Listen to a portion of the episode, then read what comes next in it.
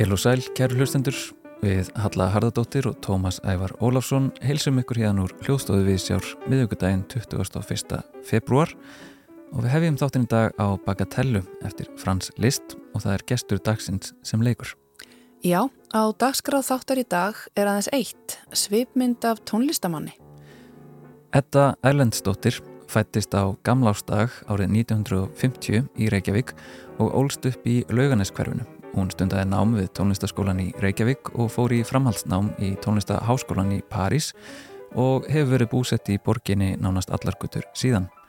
Á ferlið sínum hefur Edda komið víða við, hún hefur kent og starfað við tónlistaháskólan í Lyon og tónlistaskólan í Versölum og einni haldið fjölmarka tónleika og tekið þátt í tónlistaháttuðum í flestum löndum Evrópu sem og spilaði í Bandaríkjunum og í Kína. Í efnisgram sínum hefur þetta vakið tölver aðtegli fyrir frumleika en það spanna þar allt frá klassískum tónverkum til augrandi samtímaverka og til argentískrar tangotónlistar. Hún er gefið út fjölda diska með píjánoverkum eftir C.P. Bach, Grieg, Haydn, Liszt, Schubert, Tchaikovsky, Sjönberg og Alban Berg og hafa hljóðritanir hlotið viðkenningar og lof gaggrinenda. Edda hefur allatíð tekið ríkan þátt í tónlistarlífinu á Íslandi og komið fram á hennum ímsu tónleikum í gegnum tíðina, verið ötull fleitjandi íslenskar tónlistar og flutt verk sem íslensk tónskald hafa samið sérstaklega fyrir hana, en einnig stóðum fyrir árlegum kammertónleikum á Kirkjubæjaklaustri í 15 ár frá árinu 1991. Edda er meðlumur í kammerhópnum Le Grand Tango sem undir stjórn eiginmanns hennar, Olivier Manoury, bandóneónleikara, hefur sérat sér flutningi á argentískum tango en það er einmitt þar sem við hefjum svipin dagsins.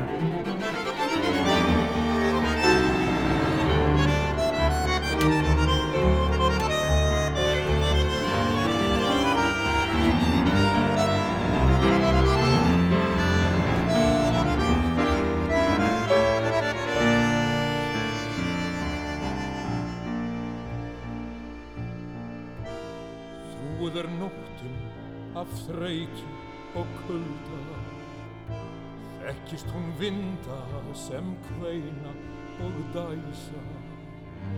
Leitar á skugga að skáka og heiða Í skyndingu geng ég á býr þessa myrkur Á meðan röppin mæðir mest og kvelst mín dulda á sem svo lengi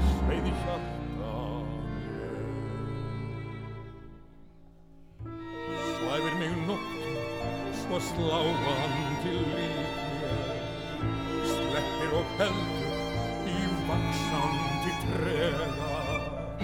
Sækir að mér sífælt sama hugsun þó ég reynað gleima því sem á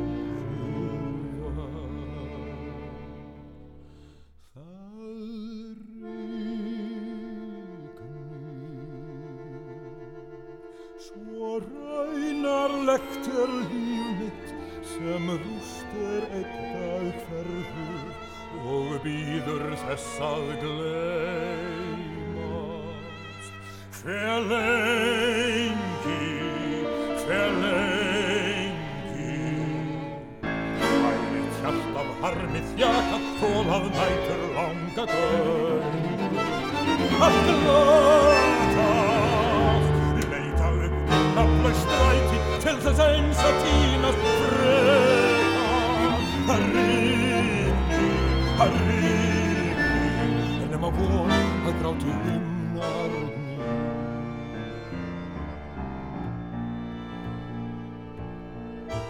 Þrúður nóttinn af þreitu og kulda þekkist hún vinda sem kveina og dæsa. Leitar á skugga að skáka og eila í skyndingu geng ég á við þessa miklu á meðan röppin mæðir mest og kvelds mín dulda áttist ó, aldrei, aldrei gleymi ég þér. Lengst af ég tíman og drókana taldi í tjörn minnar sála þú speklaðist áður Utan garðs ég rekst með vindum, ekkert bæti, nokkur sinn mína öllumtu kvöld. Það rignir, svo raunarlegt er líf mitt sem rúst er einn dag hverfur og býður þess að gleymast. Hver lengi, hver lengi Æriðt hjarta harmi þjakað Þóla lætur langa gauð Að glata Leika upp í nafnleg stræti Til þess eins að tína spreka Það ríkni, það ríkni Ennum að von að grátu um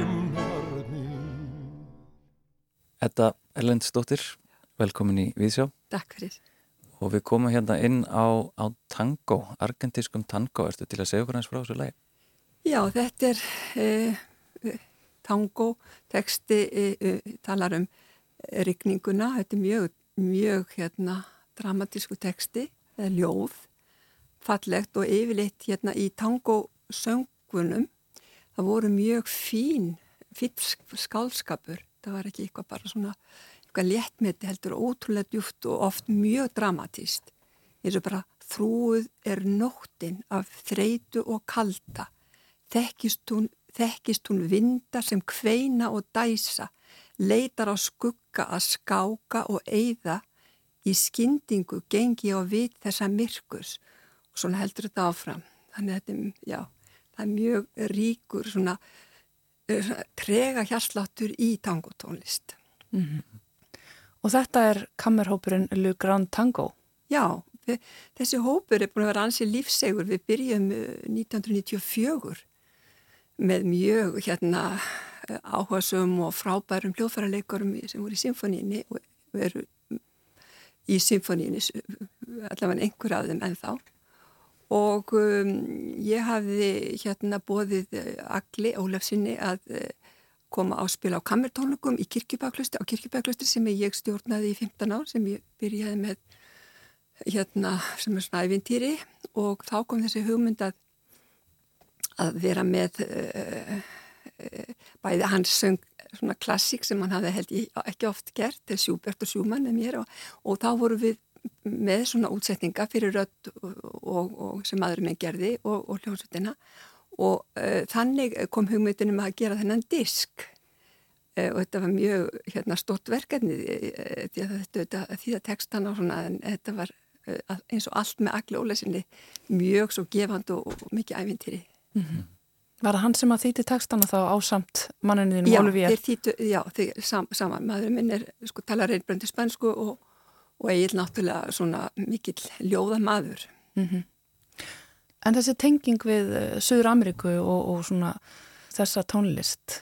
Sko, já, það eru þetta gegnum manni minn sem ég kynntist mjög ung um, og þegar ég kom til Fraklands bara held ég uh, í, í, í nám og, og um, hann uh, kemur úr svona tónlistafjölskyldu það sem að var mjög mikið um harm, harmoniku spil svona hvað er svona, eh, hvað ég segja, ekki segja þjóðlaga heldur, við kalla þetta music folklorík og, og hérna eh, þá eh, og pappans var með svona farans tónleika í heila mánu af hverju ári á sömurinn og fór á milli staða með alls konar svona mismjöndu hópum og söngurum.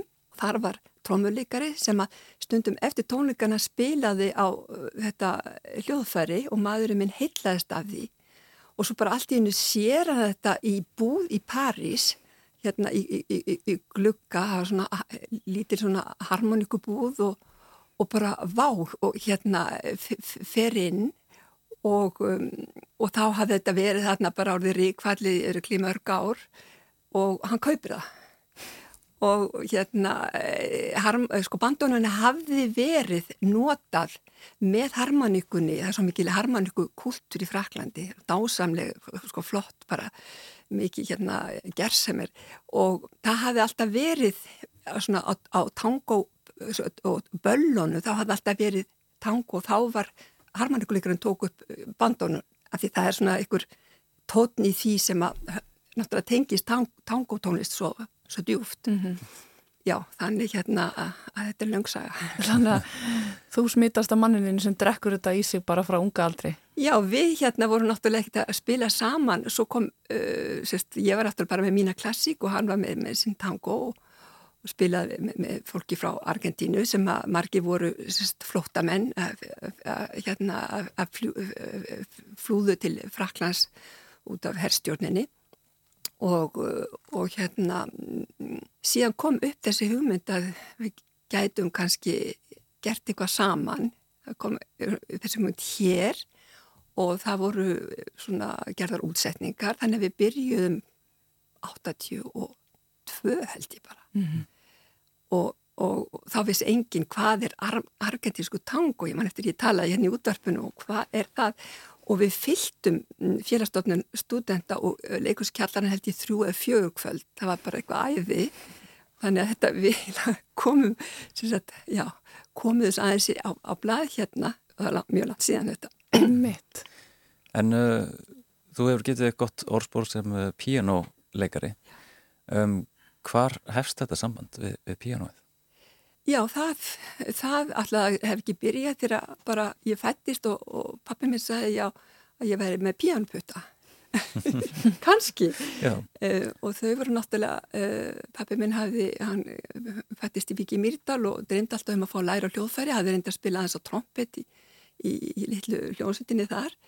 Uh, þannig að við sýsturnar, sýstiminn sem er einar eldri en ég, við byrjum, ég byrjaði að spila piano sex ára. Mm og ég var bara, mm, já, ég sjálfsagt verið svona frekar uh, duglega þannig. Og svo bara uh, var þetta smátt og smátt svona meira, tók meira pláss í lífi mínu. Og þetta var sérstaklega gott, ég var unglingur sko og, og það var náttúrulega mikla geðsviplur og þá gæti ég eh, hérna farið í piano og spila alveg hreint alla tilfinningarnar, sko, fekk svona útráðs fyrir tilfinningaflæðinu Uh, þetta skýrðist kannski frekar svona þegar ég uh, tek stúdurspróf og byrja hérna í, í frönsku og, og heimsbyggi og var í, þá byrjaði ég líki pjönukjörndeildinu og þá eftir, eftir nokkra mánuði, bara jólinn þar sem en ég bara ekki áhuga á neinu heldur en að spila pjönu. Já, uppgötar það í háskólinu þú byrjar í bóklæðanum. Já, þegar ég hafði svona frelsi frá því að vera ekki í mentaskóla þá eh, skýrðist mm -hmm. alveg að hérna að þetta, þetta var mitt. Einmitt. Þannig að þú hefur fundið svona, svona hjálp í tónlistinni, það gerist líka ofta við unglingsaldurinn að fólk hættir í, í tónlistanámi. 14-15, það er, já. En og það, svo sjá allir eftir því. Já, flestir held ég. Já. Já, en þú hefur fundið svona snemma bara já, þetta var svona eins og akkeri og er ennþá, all, ennþá er akkeri. Mm -hmm. Svona eitthvað uh, sem að maður getur le maður leita til e, það er ekki bara að vinna það er allt sem, sem, sem er, kemur, kemur í staðin fyrir alltaf þess að þetta er náttúrulega þrauðlisvinna sko, Sannlega En, en átturu einhverjar fyrirmyndar þessum tíma í tónlistinni? Ég náttúrulega hlustaði á, á hérna plötur uh, og svo auðvitað íslenskir uh, hljóðfærarleikar mm -hmm. ég var svo heppin að vera síðust ána hjá Átna Kristjásenni og hann, hann var óskaplega múskalkur og næmur og gaf manni mikinn innblástur. Veginn maður bara kom eiginlega fljúandi svífand út úr tímanum. Og svo er ég búin að klára einleikara próf þá fer ég til Fraklands og kemst inn í tónastarháskóna þar. Og þá var ég alveg reynd hérna bara ómulögnis að þá þá hafði ég ekki þennan stuðning frá Átna Kristjánsinni og það var náttúrulega, það þurfti bara ég þurfti að, að stóla sjálf að mig sem var náttúrulega auðvitað tími til komin mm -hmm. því að maður þarf eins og ég sé búin að kenna í svona mörg ár þá veit maður að, að maður þarf að sleppa tökunum að, að hjálpa nefnandunum að verða sjálfstæður og, og geta skapað sí, mm. sína tólkun og, og hérna fína sína leiðir mm. og maður er náttúrulega alltaf nefnandi alltaf alla æfinni þegar maður er í svona starfi -hmm. Og já, þú ferð þannig í framhaldsnám uh, til Fraklands uh, þetta er áttundi áratugurinn. Uh, hvað þú fórst líka frönsku í háskólanum. Varstu alltaf heitluð af Fraklandi? Já, ég var alltaf mjög heitluð af franski sögu, öllu fransku svona því var hann úlingur sérstaklega mann ég eftir sko Lúðvík 14. Og, og, og hérna allt í kringu það. Ég alveg gliftið þetta í mig og svo, svo, svo þegar ég hérna fór að kenna við eh, tónlistaskólan í Versulum að þá er ég bara komin akkurat á þennan stað sem ég var svo heitluð að í, bara, það er bara alveg í næsta hús sko. og þetta var ótrúlega fall, fallig, er fallig bygging það sem að tónlistaskólinn er, þetta er svona framhalds tónlistaskóli og, uh, og það er svona skraut bara eins og bara í höllinni í loftinu þannig að þetta, ég veist ég að vera alveg komin á minn stað Merkilegt en akkur er þessi eh, svona hrifning á Lúðvík 14. Það er spurning það er bara mjög stert að mér, mér fannst þetta svo spennandi Já. ég man eiginlega bara þetta úr sögun en, en þú kemur til Parísar uh, hvernig, hvernig var borgin bara þessi fyrstu dagar? Borgin var rosalega grá því það var ekki farið að hreinsana það var svo mikið kól, kól náttúrulega kólakinding og um, það var náttúrulega aldrei menningarsjók sko en ég var bara svo heppin að ég kynnist fjölskyldunum minni bara fyrstu vikunni sem er í París mm. sem var alveg dásanlegt fólk uh, uh, tengda móðu mín sem var mm, eins og móðu mín bóndadóttir og hún var fjárhyrði þannig að hún var tvítu og hérna þegar hún giftist þá þurfti að selja alla kinduna því að það var engin lengur til að vera fjárhyrðir uh, og þau voru bara stórkostleg hérna allu leiti og og það var alltaf eh, tekið á mótu öllum, ég menna allir þeir íslendika sem komið þangað í mat í París og svo fluttuðu setna þau voru horfið futturðið í þetta litla þorp sem er, sem er indislu svona griðastadur. Mm -hmm. Og þú kynist þessari fjölskyldu bara fyrstu vikuna í, fyrstu í París? Ég, ég, ég hefði kynst bróðir eh, mannsins Ólivers á sömannáskiði áruna áður og svo var ég með ykkur símanúmerði og, og kennari minn í á þessu námskiði sem var minn kennar í fjögur ár, hann kvatti mig til að sækjum í skólanum.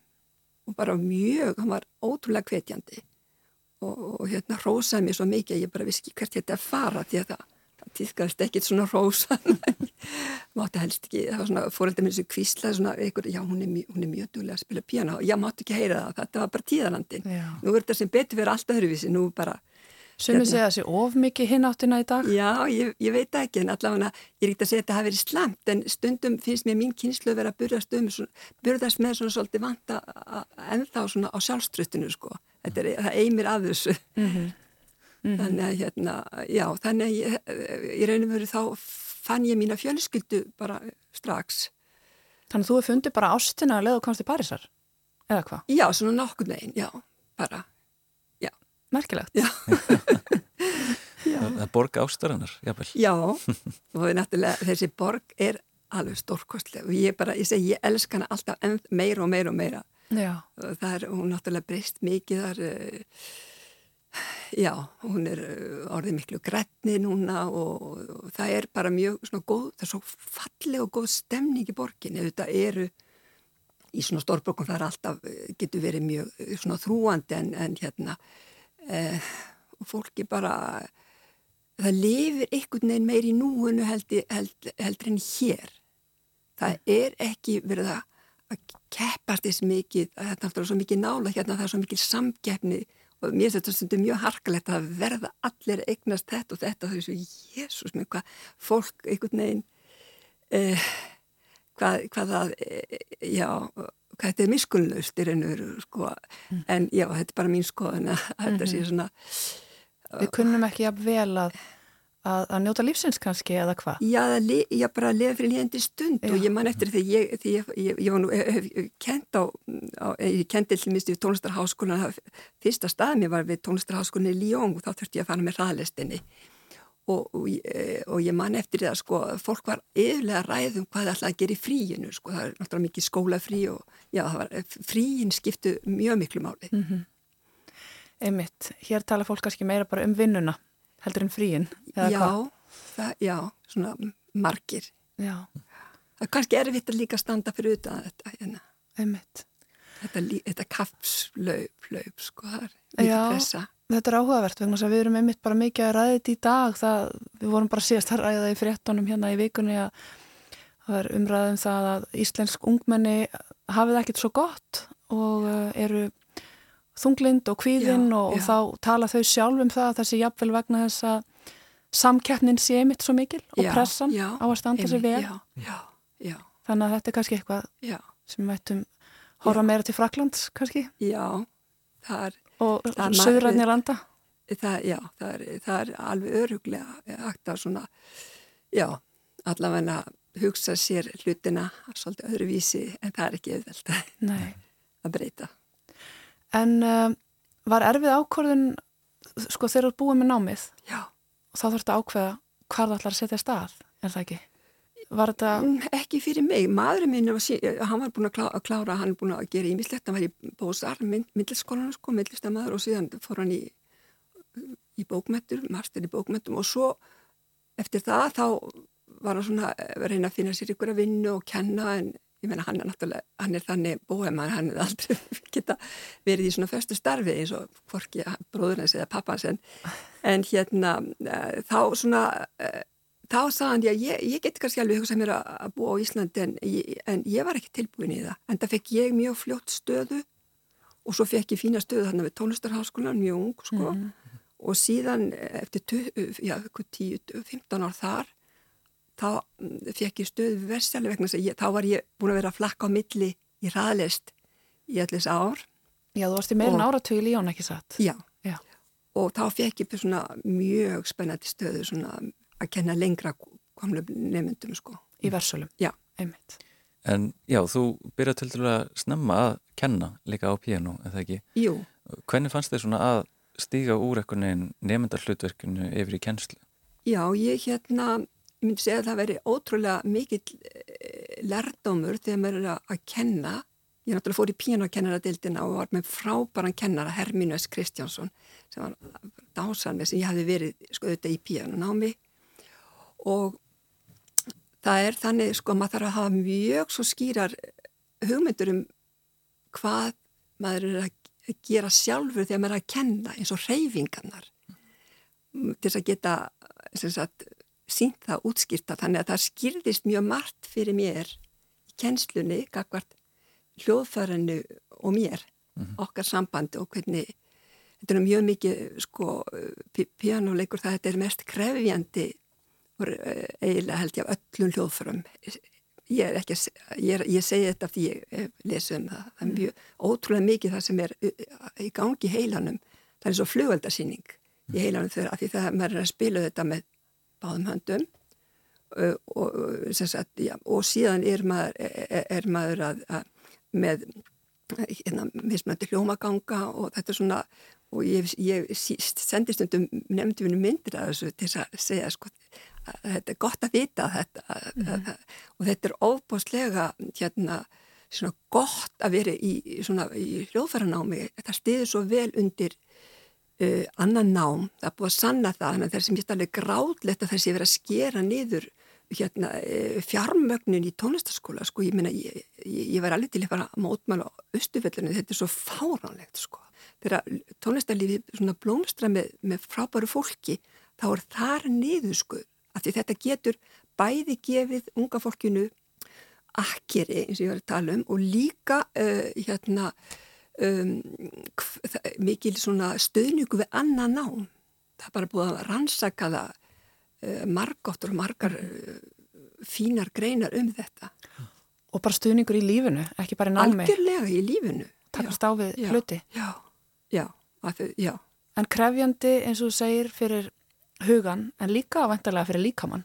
Jú, það eru þessi fingjara samhæri, það eru mjög ótrúlega marg mismjöndi smá hreyfingar sem þurfa að vinna saman svo ég skvætti nú svona samæfingar, svona, já, sam, samæfing, hæfing, koordinasjón, sko, að það er að fá þessa reyfingi til þess að vinna rétt. Mm -hmm.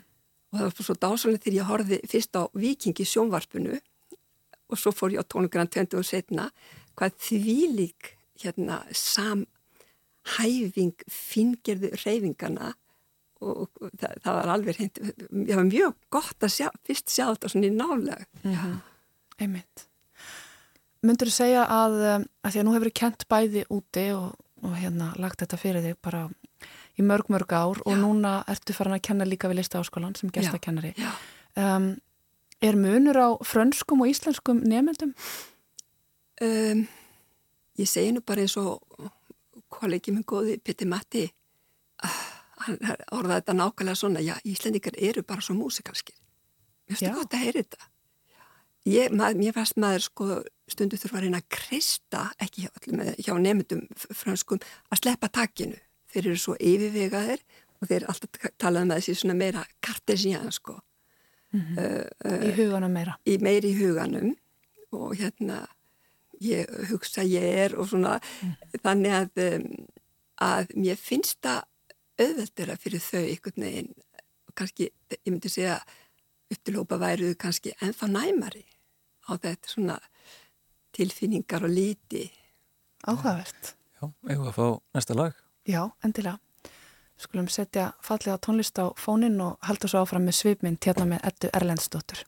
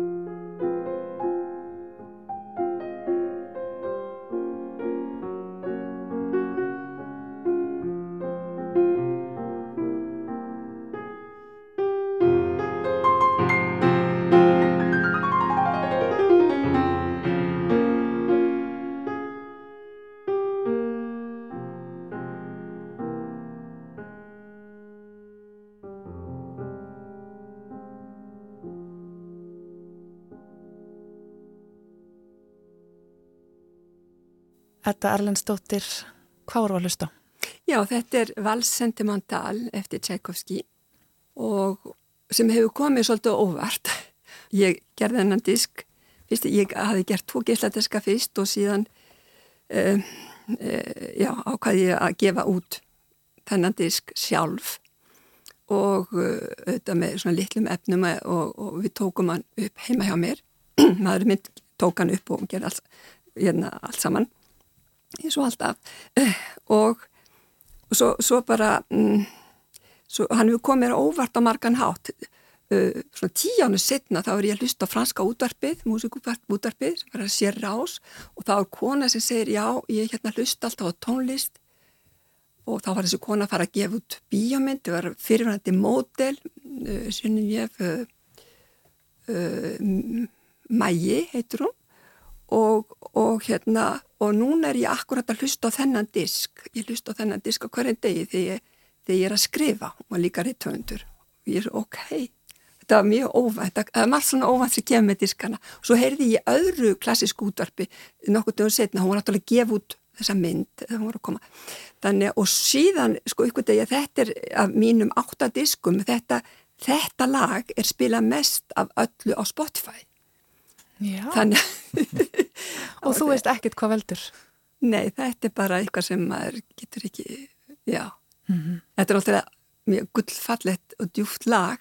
Algjörlega, en það eru líka mörg önnulög sem við erum að spila, þannig að áhvert að vita hvaða er sem að Já, já. Að og ég, einmitt þegar ég fór í fyrstu tónleikaferðin með til Rúslands 85 þá, þá þurftum maður auðvitað að eigða rúblunum og ég komi fullt af tjæfgörskinútum ég, ekki, ég held ég hef ekki áttninar tækoskunútur og þá var ég að fara að taka upp disk með hætinsónundum en þá var tækoski alltaf ykkur stað fyrir mér sko. Og þannig sem heyrði, ég bara ég bara, ég, heyrði, ég bara tek, ég bara spila tækoski í staðin, hætin kom svolítið setna Þú, já, þú ferð einmitt til Rúslands að spila þegar að Rúsland voru ennþá Sovjetríkin Já, ég fer 85 mm. og svo fer ég aftur 90 og þá var sko glasnátt að byrja það, þetta var mjög áverð það sem hefði skeið á þessu fimm árum mm -hmm. en þetta var ótrúlega að spila fyrir fólki í Sovjetríkjón ég fór líka til Úkrænju, til Kiev spilaði Ríka og St. Petersburg og það var hugsa sér bara það er einhver svona harmuleikur sem er alltaf dýnur yfir rúsinsku þjóðuna, það er eins og sé karma sko, en, en það, fólki var svo ótrúlega nefnt og djúft og svo já, tilfinningaríkt ég kynntist auðvitað í lestum að fá marga klukkutími lest og svona mm. en allavega þá, þá var sem sagt Tchaikovsky fyrir valinu á þennan hátt mm -hmm. kom með henni í farateskinu sko. Hvað hva kom til að fórst að, að, að spila í Rúslandi? Það var einhver sendir sem heyrði spi, mér spila hérna Beethoven-koncert í symfóniustinni hérna og einhvern veginn kom þetta tanni til Og fannstu fyrir því áhöröndur þar voru Dásam. öðruvísi? Já, já útrúlega þar og hérna mann eftir ég spilaði hérna í, í þá Leningrad og það, svo kom ég ljós að það var bila, bilaður hitin, það var tíusti af frost og ég kem að æfa og, og, og ég sagði hvernig á ég að fara að spila? Og maður mér sagði, ég skulum bara taka með þér hárþurskuna þína og, og hitu pljóðfarið og lokaði svo, ég, hann stóði tímindur fyrir tónleikana og hérna, þetta var mjög, mjög fyrðulegt, þetta var í stórum sal með flottu stænviflíkli og ég hef aldrei æfinu upplefað eins hlustun maður, maður, maður, ég fann bara fyrir maður, ég fann svo stert fyrir, á, fyrir áherundun sko. mm. og svo kom fólki til maður bara, þú veist, þess að gera með bló, blómun upp á svið og, og hérna og spurði mér spurning, akkur af aldrei þetta og akkur þetta, já, það var mjög áhagvert að kynast fólkinu mm -hmm. En uh, þú hefur spilað víða um heim líka og, og farið með svona eins konar masterclass program líka Já.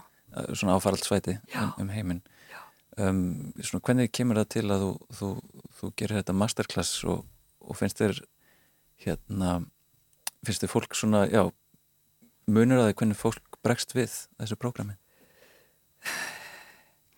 Já, masterclass það er alltaf já, það er alltaf uh, það er alltaf vikant þegar maður kemur bara og er í smá stund en, en það er aðalega svona að reyna að tengjast uh, mannskinni sem er að spila. Og núna höfum við upp á síðgasti farið, ég og kollegi minn Pitti Matti, við höfum farið í svona, það er, heitir Crossing Keyboard, við höfum farið til Ríka og Íslands til, til Finnlands, Svíþjóðar. Og þetta er eitthvað svona Nord Plus dæmi þannig að það hefur verið mjög gaman og þá kennum við masterklassa uh, og, og nefndur okkar úr listahaskólinu koma og þau taka, halda tónleika þetta er ótrúlega skemmtild verkefni mm -hmm. nú eru við til þess að fá fólki frá, frá ríka bara eftir tvær vikur mm -hmm.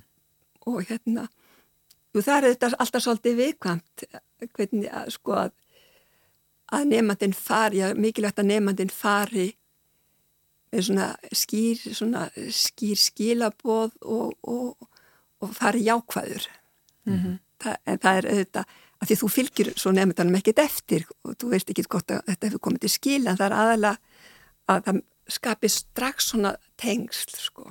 Já, mm.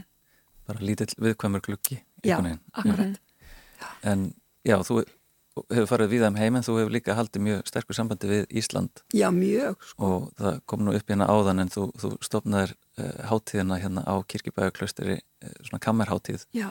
upp úr 90 og 1 var það ekki? Já, Uh, er þetta til að segja okkur aðeins frá því hvernig það verður til? Já, frændi minn sem að Jón Helgar var búndi í seglbúðum að hann var að tala um það var, það var ekki eins og það sko léleg píjan á til og, og, og þá, þá bara komið þetta hugmynd, já, akkur bara sapnar ekki, það voru, voru ekki borga fyrir það sem að sapna fyrir bandurnu gáfu eitt lamp í söpnum fyrir hljóðfæri Já, það? Já, ég held að Ég, já, eitthvað ráma mig, já, jú, ég heilt eitthvað. eða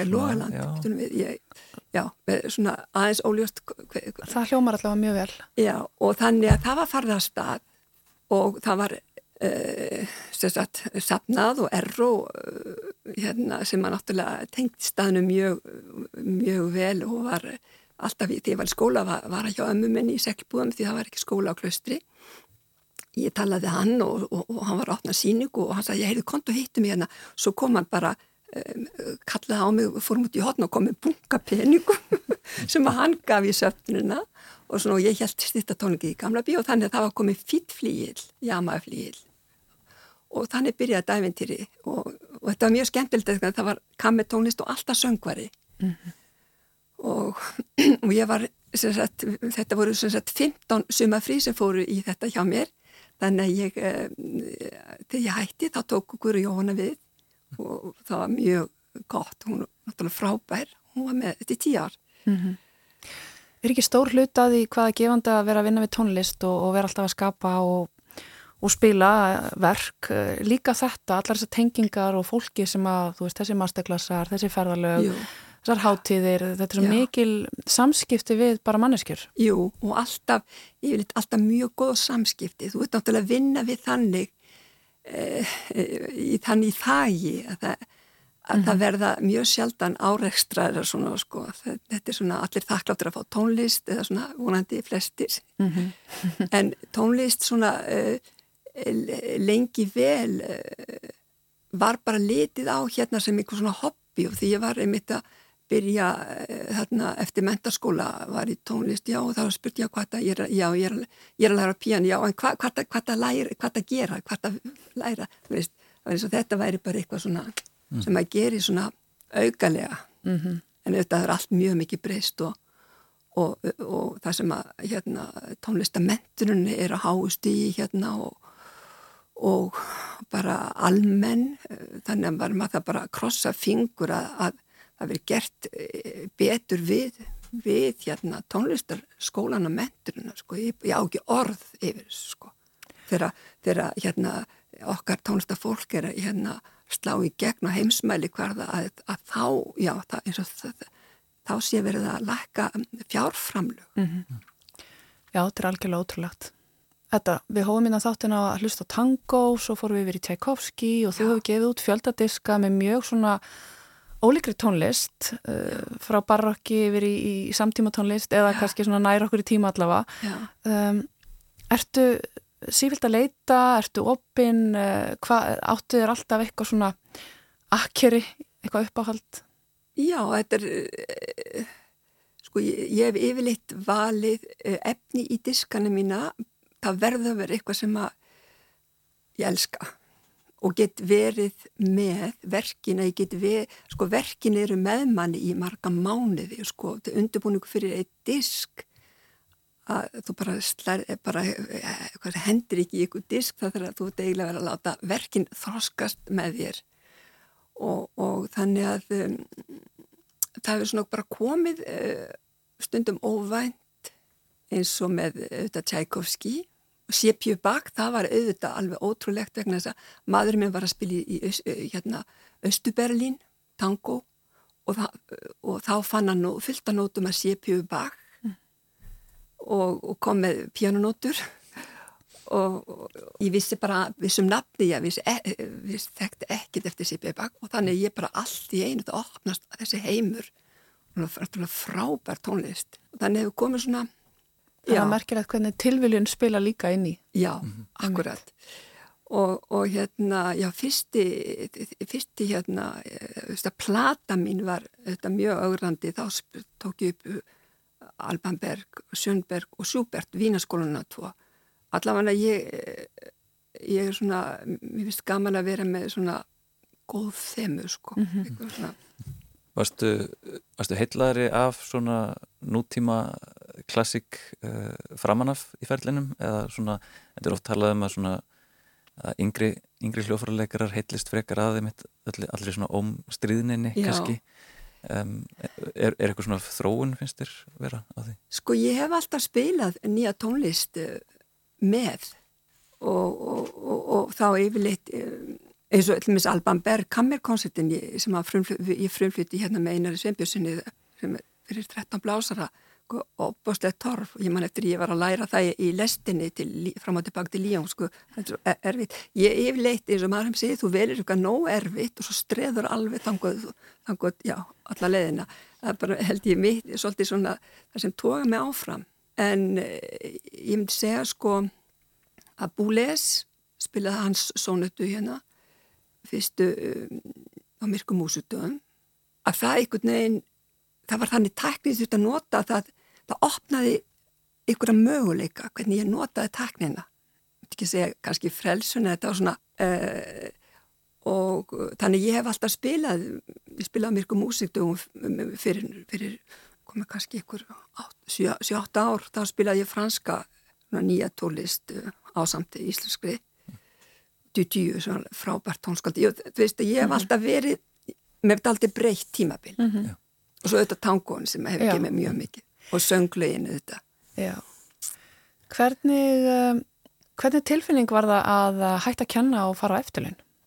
Sko, það skeiði svo rætt að ég hafði bara engan tíma til að hugsa um það.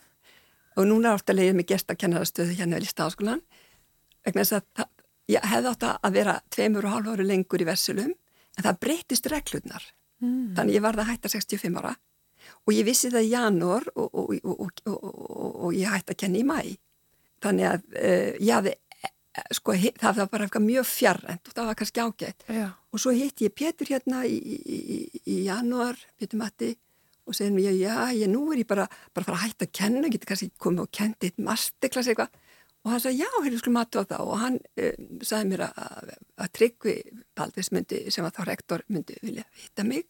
Og þeir byggði mér þessa stöðu. Og það var bara alveg reynd dásamlegt. Það mm -hmm. bara byrjaði nýr kapli Og hvað, og hvað svona viluru að kenna við lista áskonum? Er það eitthvað sérstaklega sem þú tökur fyrir það? Uh, við, við erum með svona ákveðin þemu. Petur hann tók það upp svona uh, eitt tónskapt ári eins og við hefum verið í Versulum þau þurfa náttúrulega að hafa þetta aldrei sko uh, breytt verkefnaval en Uh, við ræðum þetta svona bara, í, við komum hugmyndir og svo nefndurnir auðvitað mm -hmm. geta sagt nei, ekki þetta, en, en þetta fer svona fram í samtali og, og ráðleggjuðum að, nú er sko sjúmann tema og við ráðleggjuðum að, að hlusta á allan, ég segi allan sjúmann og líka það var skriabín að hlusta og ég hafi verið með þetta í, í versulum og þá kynnust maður sjálfu líka svo mikið af, af verkum sem að þetta er ekki endilega. Einmitt. Já, þú ert hverginar er hægt, það er nokkuð ljóst og heldur áfram að uh, spila og halda tónleika og verið samstarfi við annað tónlistafólk eins og hefur alltaf gegnt í gegnum Já. tíðina. Uh, segð okkur nú bara örstuðt í lókina eins frá uh, tónleikonum sem að þið verðum með um helgina. Já, við, uh, við Sif Tulinius, fyrirleikari, erum með uh, fransk program og ég kynntist Sif í Ljón þegar hún var smá stúlka þá var pappinir að vinna þar rættulisinu við rannsóknir. Og kynntist fjölskyldinni og, um, og ég var bara mjög glöð að hún hafði sambandið mig eh, og spyrði hvort ég væri til að gera þessa tónleika því ég hafði hlusta á hann að spila svo glæsilega einleikstónleika, þrenna einleikstónleika. eh, þar sem voru bara, það voru verk eftir Bach og einn íslenskan höfund á hvernig tónleikum mm. og það hefur verið mjög uh, skemmtileg vinna. Við erum að spila uh, stóru nöfnin Ravel og Debussy. Mm -hmm. og síðan erum við að spila verk eftir tvær franska konur Lili Boulanger og Pauline Viardot. Og uh, þetta spanna svona kannski, já, einhver hundrað ár. En eiginlega held ég bara talast, ta, talast vel saman þessi verk. Mm -hmm. En við ætlum að hvaðja á tónlist, þú komst með uh, þriðja tónverkið fyrir þáttinn, ertu já. til í að uh, segja okkur frá því að hann er setjum að fótum? Já, þetta voru, uh, þetta er frá, uppdaka frá tónleiku sem við Kristinn Simonsson heldum í salnum í november 21 og uh, ég myndi segja þetta að því ég náttúrulega elska að spila með söngurum að þetta var alveg drauma uh, sagt, verk, verkefnaval. Brahms uh, Hugo Wolf og svo Risa Strauss. Þetta er svona síðromantíku þetta öll, öll þrjú. Þetta uh, kannski mest, mest Strauss en svona hádramatísk og, og, og, og mjög svona tjáningarík og það er ekkert eins gott eins og að spila með söngurum bara að, að, að heyra söngin því maður er alltaf að reyna að syngja eins og söngvari. Og þetta var mjög, mjög, mjög gaman að auðvitað vinna með kristni eins og stórkoslu söngvari og hérna þannig ég valdi þetta fallega sönglag morgun. Og hér endur við þátt dagsins á þessu fallega sönglægi í flutningi Ettu Erlendstóttur og Kristins Sigmundssonar og við minnum á tónleika Ettu og Sivjar Túlinius sem verða í hörpu á sunnundag þar sem frönsk romantík og impressionismi mun svífa yfir vönnum. Takk fyrir samfélgin í dag og verið sæl.